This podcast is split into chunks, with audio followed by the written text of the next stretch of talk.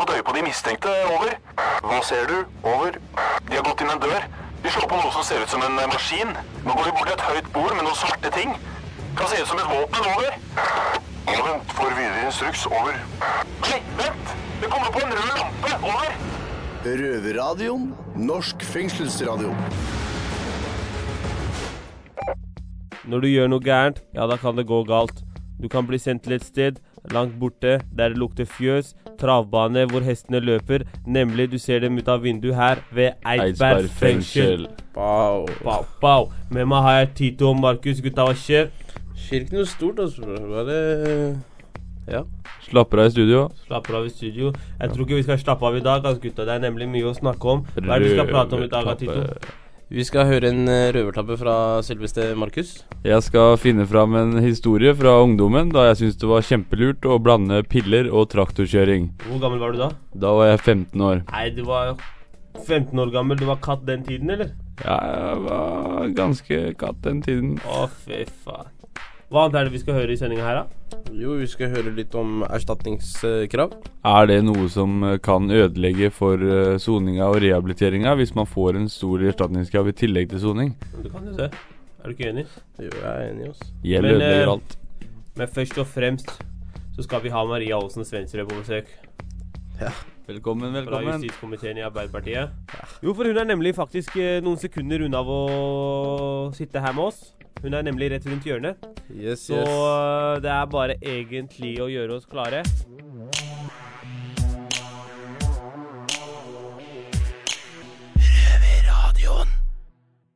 Er dere klare? Klare. Det er nemlig Maria Aasen Svendsen fra justiskomiteen i Arbeiderpartiet. Vi er så heldige å ha henne på besøk hos oss i dag. yes. Så egentlig er det bare å ønske henne hjertelig velkommen. Velkommen til deg, Maria. Velkommen, velkommen. Takk skal du ha. Yes, yes. eh, hvordan er førsteinntrykket av Eidsberg fengsel hittil? Jeg har vært på Eidsberg eh, en eller to ganger før også. Og jeg syns at eh, å komme inn her sånn, i studio deres, gå gjennom biblioteket, det er veldig, veldig bra. Og så veit jeg at det hele fengselet ser ikke ut som et radiostudio og et bibliotek, da. Men det er ganske fint akkurat her, i hvert fall. Og hyggelige folk som møtte meg i vakta òg. Og hyggelige folk som møtte meg her. Det er bra. Ja, det er bra, det er bra. Men eh, sånn på et personlig plan, hvorfor er eh, liksom hva som skjer i norske fengsler, viktig for deg? Altså, jeg har jo jobba som lærer på Bastøy og Horten, så jeg kjenner jo litt til kriminalomsorgen fra før av. Mm. Men det jeg synes er, er et poeng da, med å ha en god straffegjennomføring, det er det at eh, alle folk Vi må ta ansvar for det Mm. vi gjør. Og bryter du loven, så må du ta ansvar for det også. Riktig. Men, eh, Og da skal jo samfunnet reagere med en sanksjon, med en straff. Og f.eks. straffegjennomføring i fengsel er en, er en sånn sanksjon.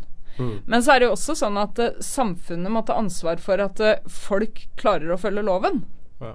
Og hvis du f.eks. ikke har hatt det så greit når du var fem år, når du var sju år, når du var 16 år og når du var 18 år, Mm. og hvis storsamfunnet, skolen, helsestasjon, barnevernet, foreldrene dine, hvem det skal være, ikke var der for deg da, Mm. da kan det være vi må være der for deg når du er i fengsel.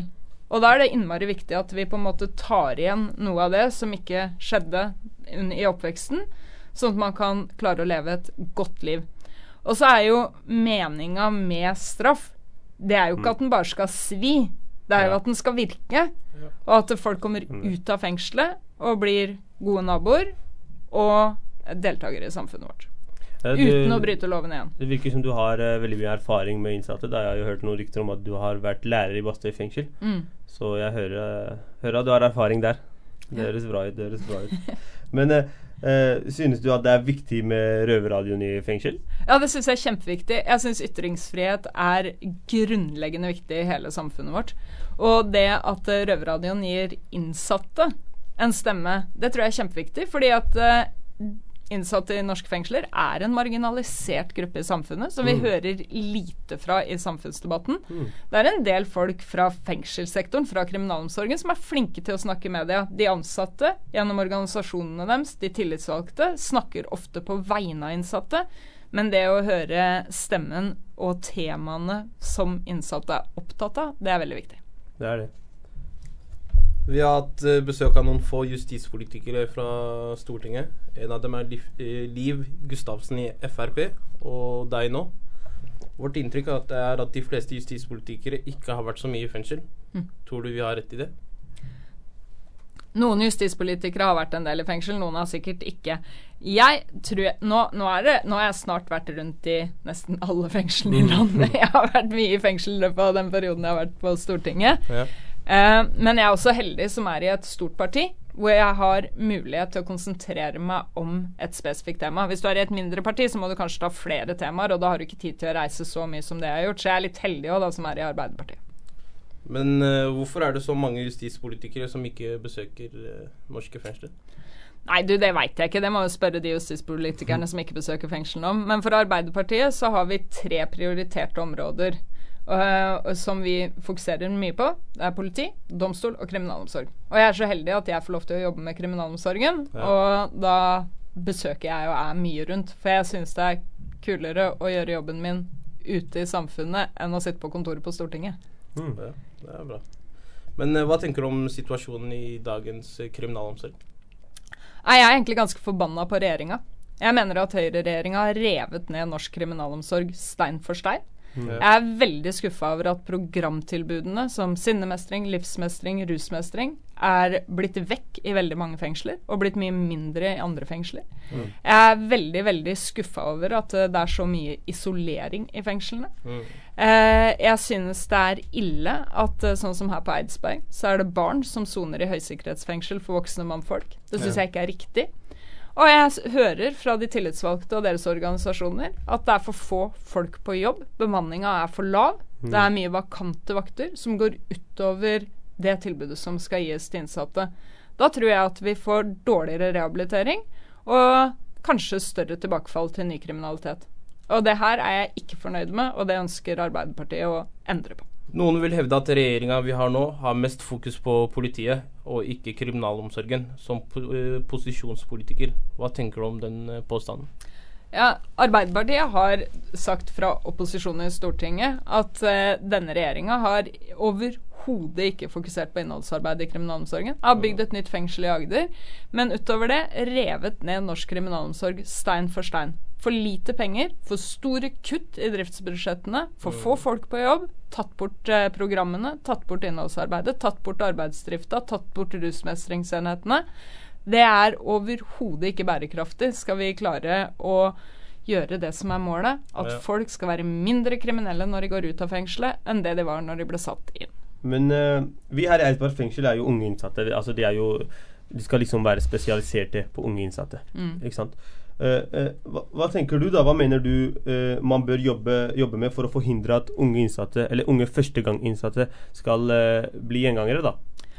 Ja, jeg tror det det som jeg har vært litt inne på også med innholdsarbeidet Nå vet jeg at det gjøres mye bra for unge innsatte her på Eidsberg. Man har kanskje sørget for litt ekstra tilbud og sånn. Det å sørge for god aktivitet, sørge for god utdanning, sørge for arbeidstrening, sørge for at man får jobba i de rehabiliterende programmene man sjøl trenger, Mm. Eh, det er veldig, veldig viktig. Og så tror jeg hvis vi snakker om ungdomsenhetene versus voksenenhetene Nå skal vi kanskje si at Eidsberg ligger litt sånn midt på treet, dere er jo unge òg. Men eh, så er det noe med det å lage disse overgangene mellom ungdomsenhet og voksenfengsel litt roligere. For i dag så er det jo nesten litt sånn at idet du blir 18, så kommer du rett over i voksenfengsel. Det er litt sånn, ja. Og du kan jo ende opp med å miste mye av det verdifulle du fikk med deg fra ungdomsenheten. At det går litt tapt over i voksenfengsel. Mm. Så det å lage en bedre overgangsordning fra barn til voksen i fengsel, tror jeg er veldig viktig.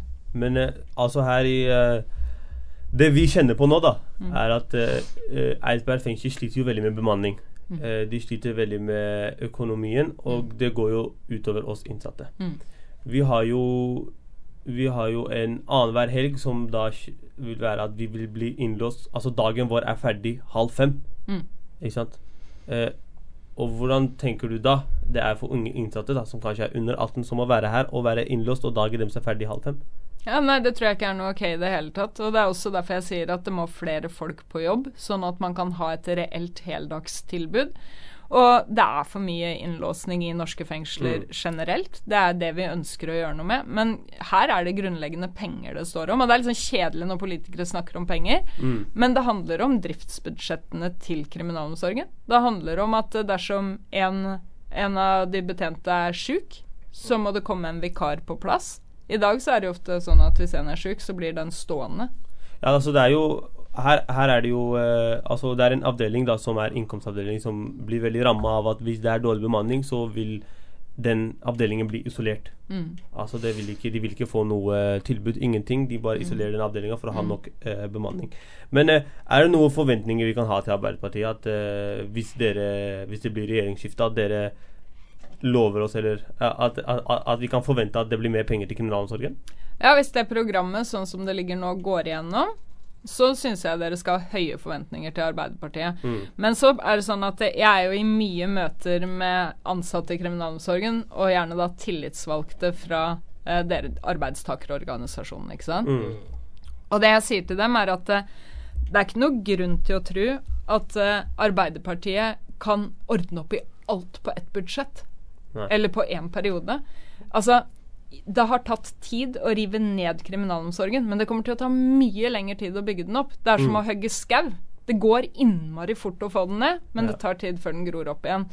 Men det jeg mener at Arbeiderpartiet burde gjøre, er at vi må sette oss ned sammen med de ansatte, sammen med kriminalomsorgen, lytte til de innsatte og se hvor er det skoen trykker nå, hvor skal vi begynne? Mm. Og så begynner vi i den ene enden, og så må vi lage oss en plan for hvordan vi kan gjenreise norsk kriminalomsorg. Riktig. Nei, hvis vi skal gå litt tilbake til unge innsatte altså det, Hvordan skal vi prøve å Eller hvordan vil dere prøve å forhindre unge folk i å komme i fengsel? Det, er, det, er, det, er, det er det som er greia. Altså, greit, de kommer i fengsel, greit, vi skal gjøre et bedre opphold til dem. Men vi skal prøve å forhindre dem Ja. i å komme i fengsel. Og hva er det Arbeiderpartiet kan bidra med der? Ja, ikke sant? Og det var det jeg var inne på litt i stad. da. Det Mm. der med samfunnets ansvar for at folk skal kunne leve lovlydige liv. Mm. Det er innmari viktig. Og da snakker vi jo gjerne om forebygging. Men hva er egentlig forebygging? Mm. Jo, det er det at når vi ser han kiden på sju Mm. som ikke har det bra hjemme, som kanskje ikke følges opp godt nok av barnevernet, Mm. så må vi gjøre noe med det. Og hvem er det som skal gjøre noe med det? Jo, det er gjerne kommunen der hvor Mm. folk bor. Og da må kommunen også ha gode nok rammer til å kunne eh, sette folk i arbeid for å hjelpe mennesker som ikke har det bra. Ja. Og så må politiet også ha nok folk til å være ute, drive forebyggende arbeid, og ikke bare ta folk når kriminaliteten er gjort, men å kunne jobbe forebyggende, være til stede der gjengene er, Mm. være til stede på gata. Det er kjempeviktig. Så jeg tror det der samarbeidet mellom kommunen og staten, altså kommunen og politiet, kan Mm. styrkes, og at det kan være gjort mye der. Men, for, men folk trenger folk. Og Ja. unger som vokser opp og ikke har trygge voksne rundt seg, da veit vi at veien kan være ganske kort til å finne det nettverket i f.eks. en gjeng. Ja. Det er vi helt nødt til å jobbe med. Men du Maria, jeg satt og så på nyhetene her forleden, og så kom det opp at det, altså, det var en sånn snakk om en sånn fraværsgrense. Altså de hadde Greit at det er fraværsgrense i videregående skole, men de tenkte å innføre dette her i ungdomsskolen også. Og hva jeg tenker, da Jeg tenker at det her vil bare forebygge mye mer kriminalitet. Hvis en eh, person som uh, mister plassen sin på skole pga. han ikke består pga. fraværsgrensa, ja. så vil han tenke "Fy faen, ok, nå er løpet kjørt, Ja. så jeg har ikke noe annet å gjøre. Da vil andre alternativ komme. Ja. Det vil bli lettere å bli, også ta imot andre fristelser. da Ja. Eh, hva, synes, hva tenker du om det? At det blir fraværsgrense på ungdomsskole? Nei, jeg syns at uh, på ungdomsskolen så er det veldig mye annet vi skal gjøre for å sørge for at uh, ungdommen er på skolen. Mm. Og så kommer man opp på videregående, og så har det vært en større debatt. Man må ta ansvar for altså Det er jo sånn at de, når du kommer i arbeid, så kan du jo ikke bare velge å ikke gå på jobb. Du må jo gå på jobben din, hvis ikke så får du sparken, ikke sant? Yeah. Så etter hvert så må folk få mer ansvar i skolen òg.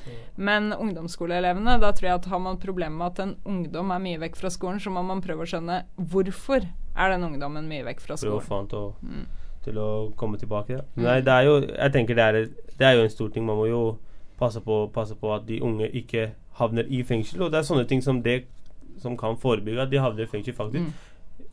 Jeg kjenner på det sjøl. Jeg, jeg, jeg droppa ut av skolen sjøl, ikke. Og Mm. eh, da falt jo andre alternativ Ja. for meg, og fristelser kom, ikke sant.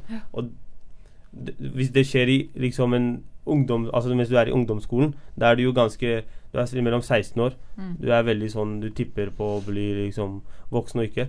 Det er litt sånn Jeg tenker at uh, ungdomsskolen er en eh, skole som Eller eh, på ungdomsskolen så burde du få virkelig hjelp til å kunne få det pushet.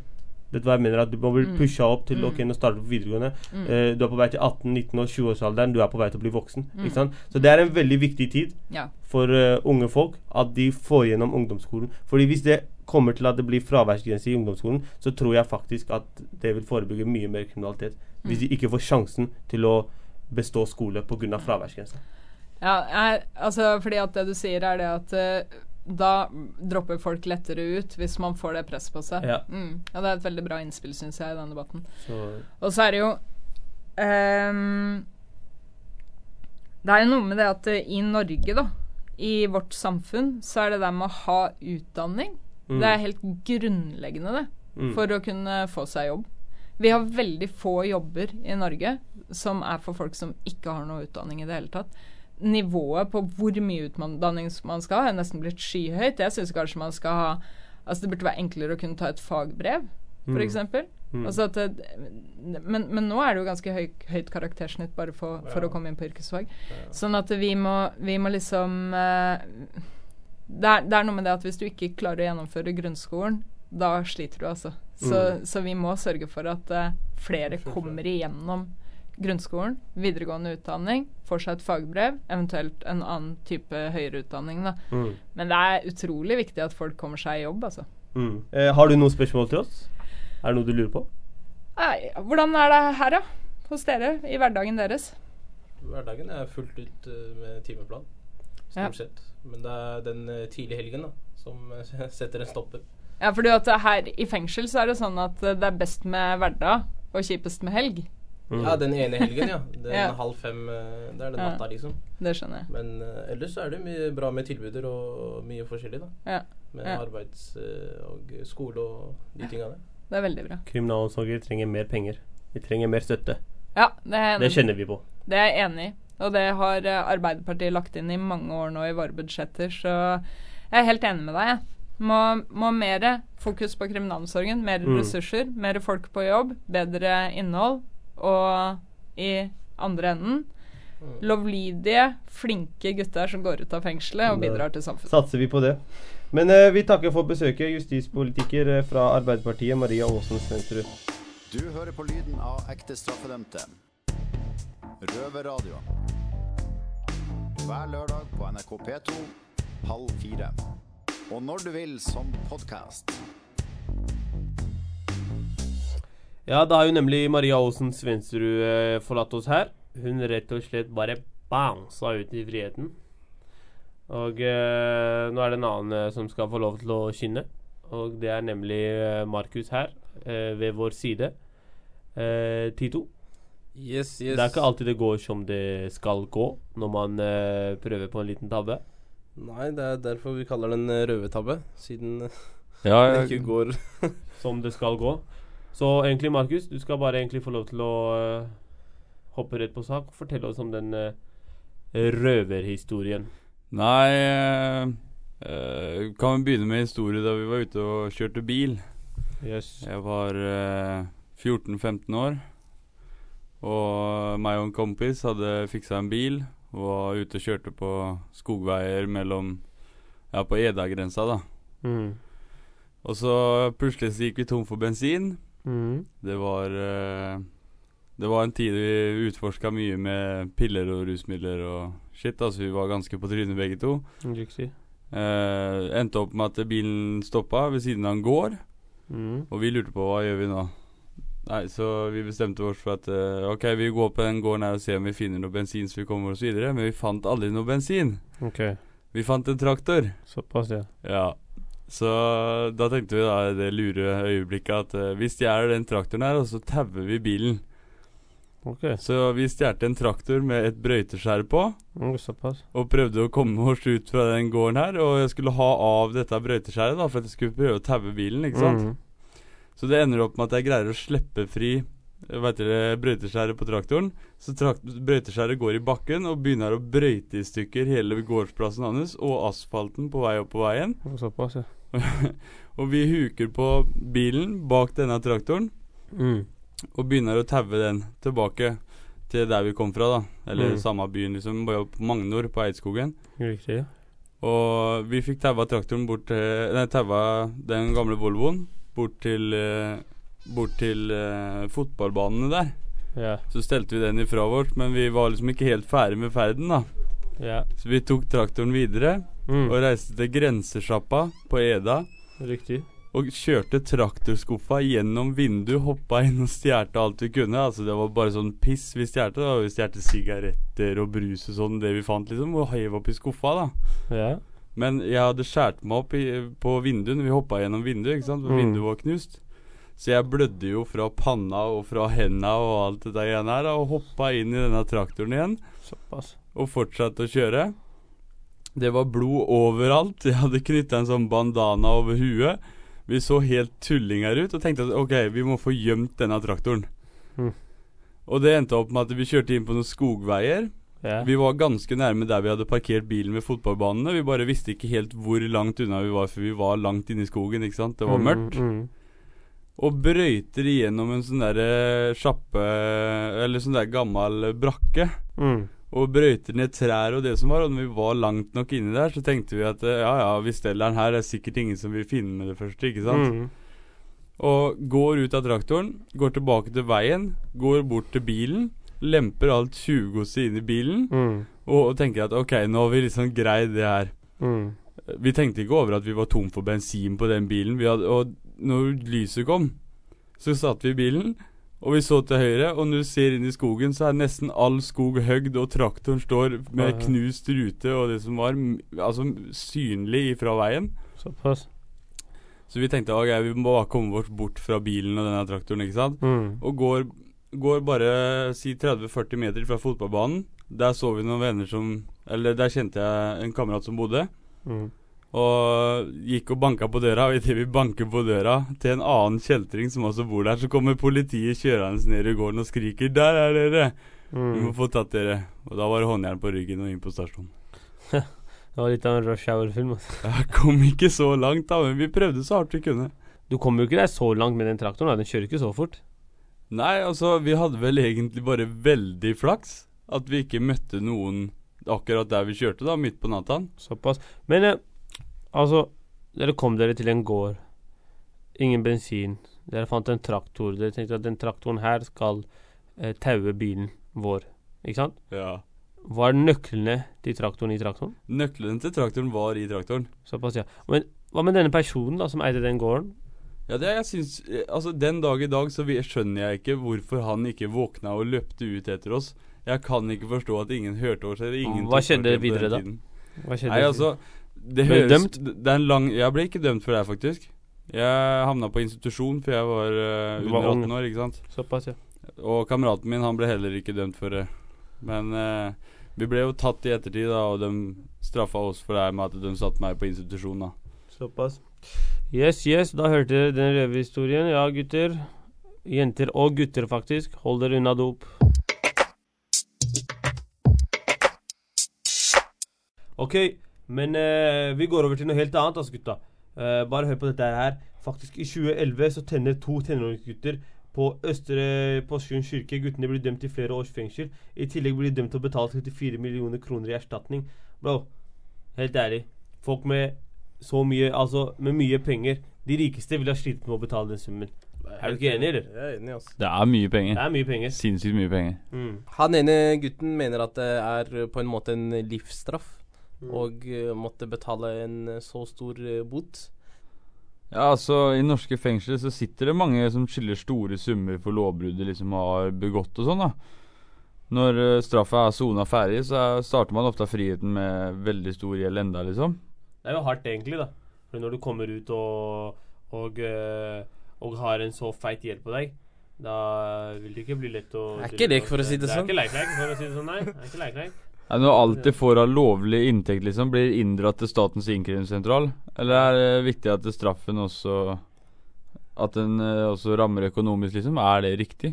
Nei, jeg mener ikke det er riktig, fordi uh, hvis du skal bli straffa med, med, med så lang fengselsstraff, og i tillegg få en 34 millioner kroner i bot Trenger ikke å fucke opp det økonomiske livet i tillegg, det, da, liksom? det, da mener jeg at det er litt sånn Du blir straffa på to måter. Først blir du straffa med friheten din, og så blir du straffa ute i samfunnet også. Med det masse blir jo litt kjørt. Du får ikke gjort noe. Jobben din, må nedbetale det. Liksom, hva faen, hvor skal du bo? Ja. Røverradioen har holdt debatt på utsiden for å bli litt klokere på dette her. Jepp. Og i panelet sitter Trond Henriksen, tidligere kriminell, nå miljø, miljøarbeider i Kirkens Bymisjon. Lulli Heie, koordinator hos Oslo Røde Kors nettverk etter soning, gjeldsavdelingen. Og Christian Lundin fra advokatfirmaet Nes og Lundin. Nes og Lundin. Aller først skal vi høre fra ekskriminell eh, Trond Henriksen. Ja, for det er over ti år siden han slapp ut av fengsel, og, men fremdeles så preger straffegjelda han. Og det er ikke mange dager siden han dro inn til Oslo for å forsøke å få hjelp til dette for første gang.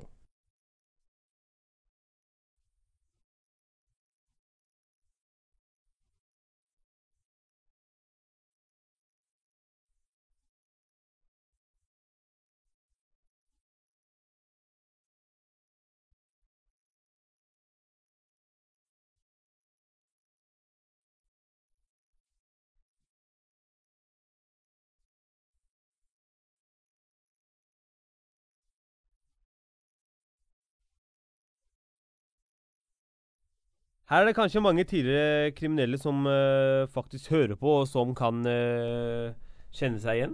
Ja, men hvor mye er egentlig Trond skylder, og for hva?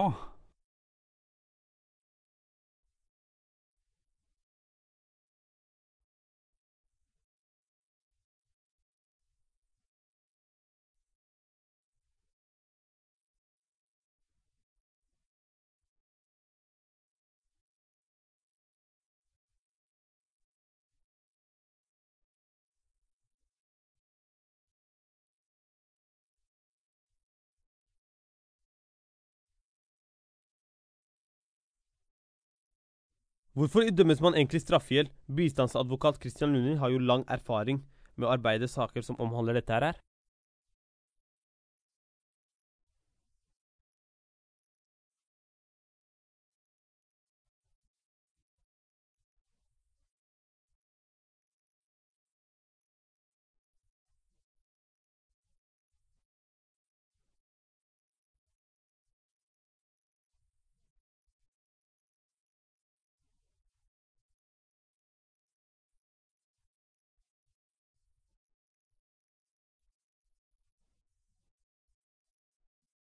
Det er kanskje ikke like lett for uh, visse kriminelle å se ting fra den andre siden, så derfor spurte vi Lundin om hvorfor eh, det er viktig for hans klienter å få erstatning.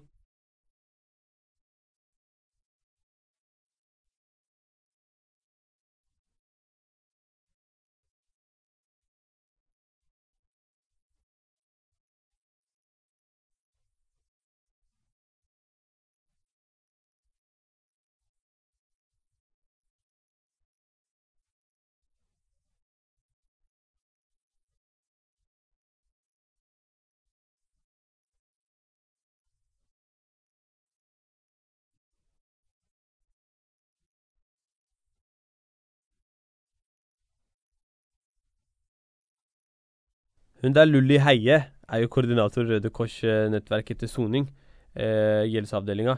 Jobber jo daglig med tidligere innsatte som har mye gjeld. Selv om det er vanskelig å si noe spesifikt om disse, har de alle sammen jo én ting til felles.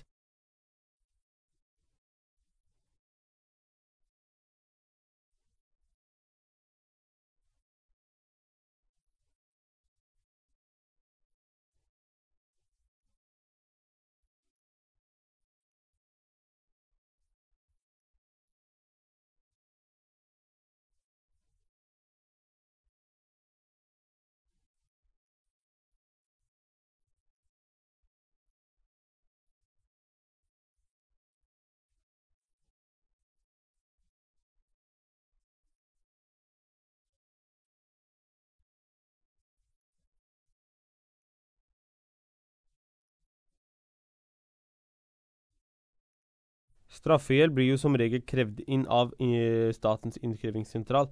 Jeg har jo hørt at uh, Jeg har hørt av andre kriminelle faktisk at uh, At de er jo egentlig verre enn torpedoer. Ja, og Lulli Heia er vant til å jobbe med de, men hun er ikke spesielt uh, fornøyd med dem heller, altså.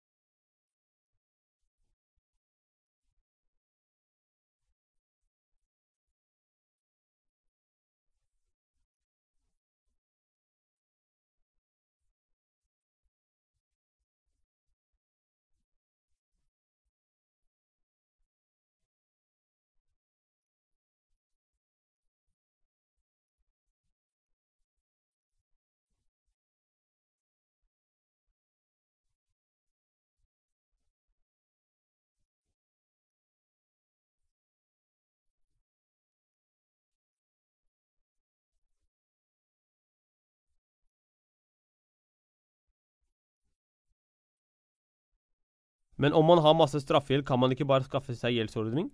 Altså, gjeldsordning er jo en sånn plan som går mest uh, ofte Oftest løpende i løpet av fem år, da. Så da skal man liksom betale en sum i måneden, og så er man gjeldsfri etter fem år.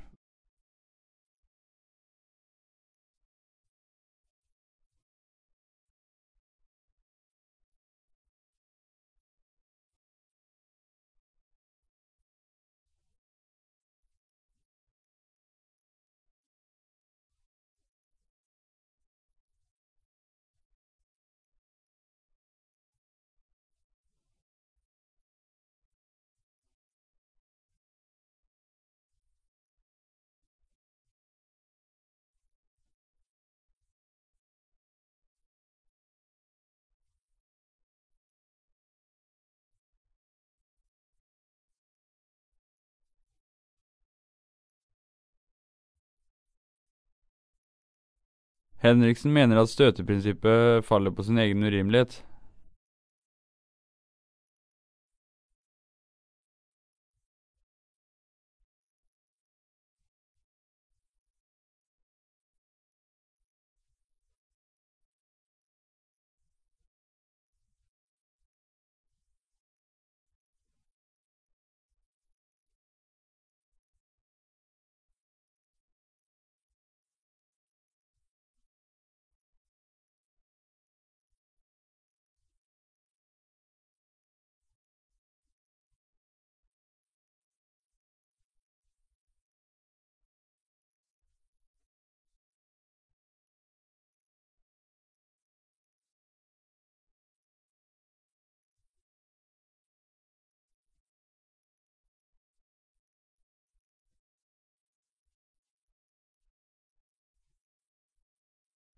Men er, er, men eh, er egentlig denne straffegjelden så ugunstig eh, for samfunnet som Henriksen eh, skal ha det til, eller?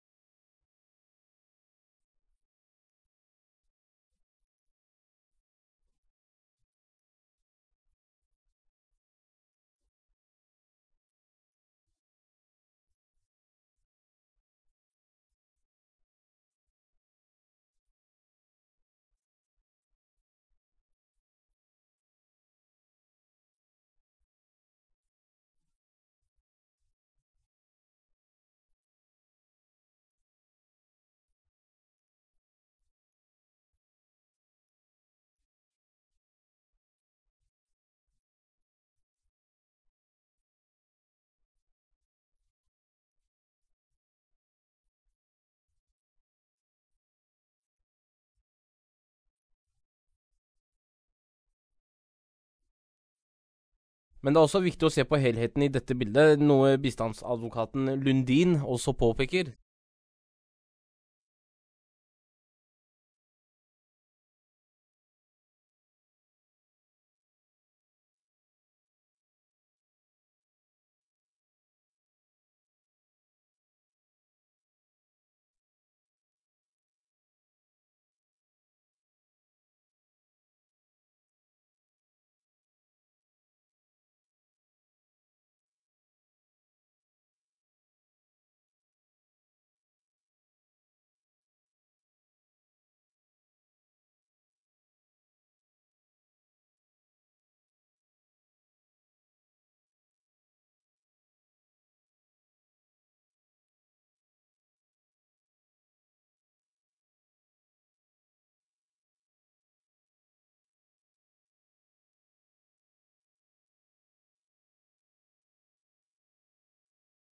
Så hva er egentlig løsningen? Henriksen har flere forslag til løsninger.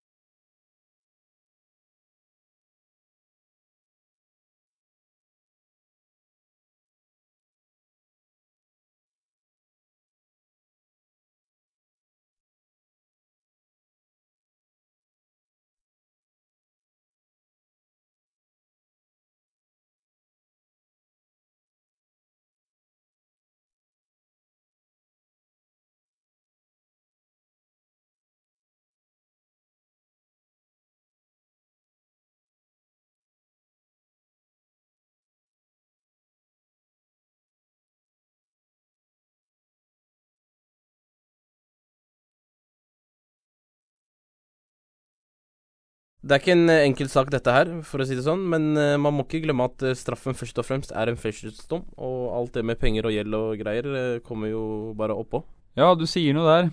Eh, debattleder, det var vår egen røver, Sime Larsen, og hele debatten kan ses på Røverradioens Facebook-side.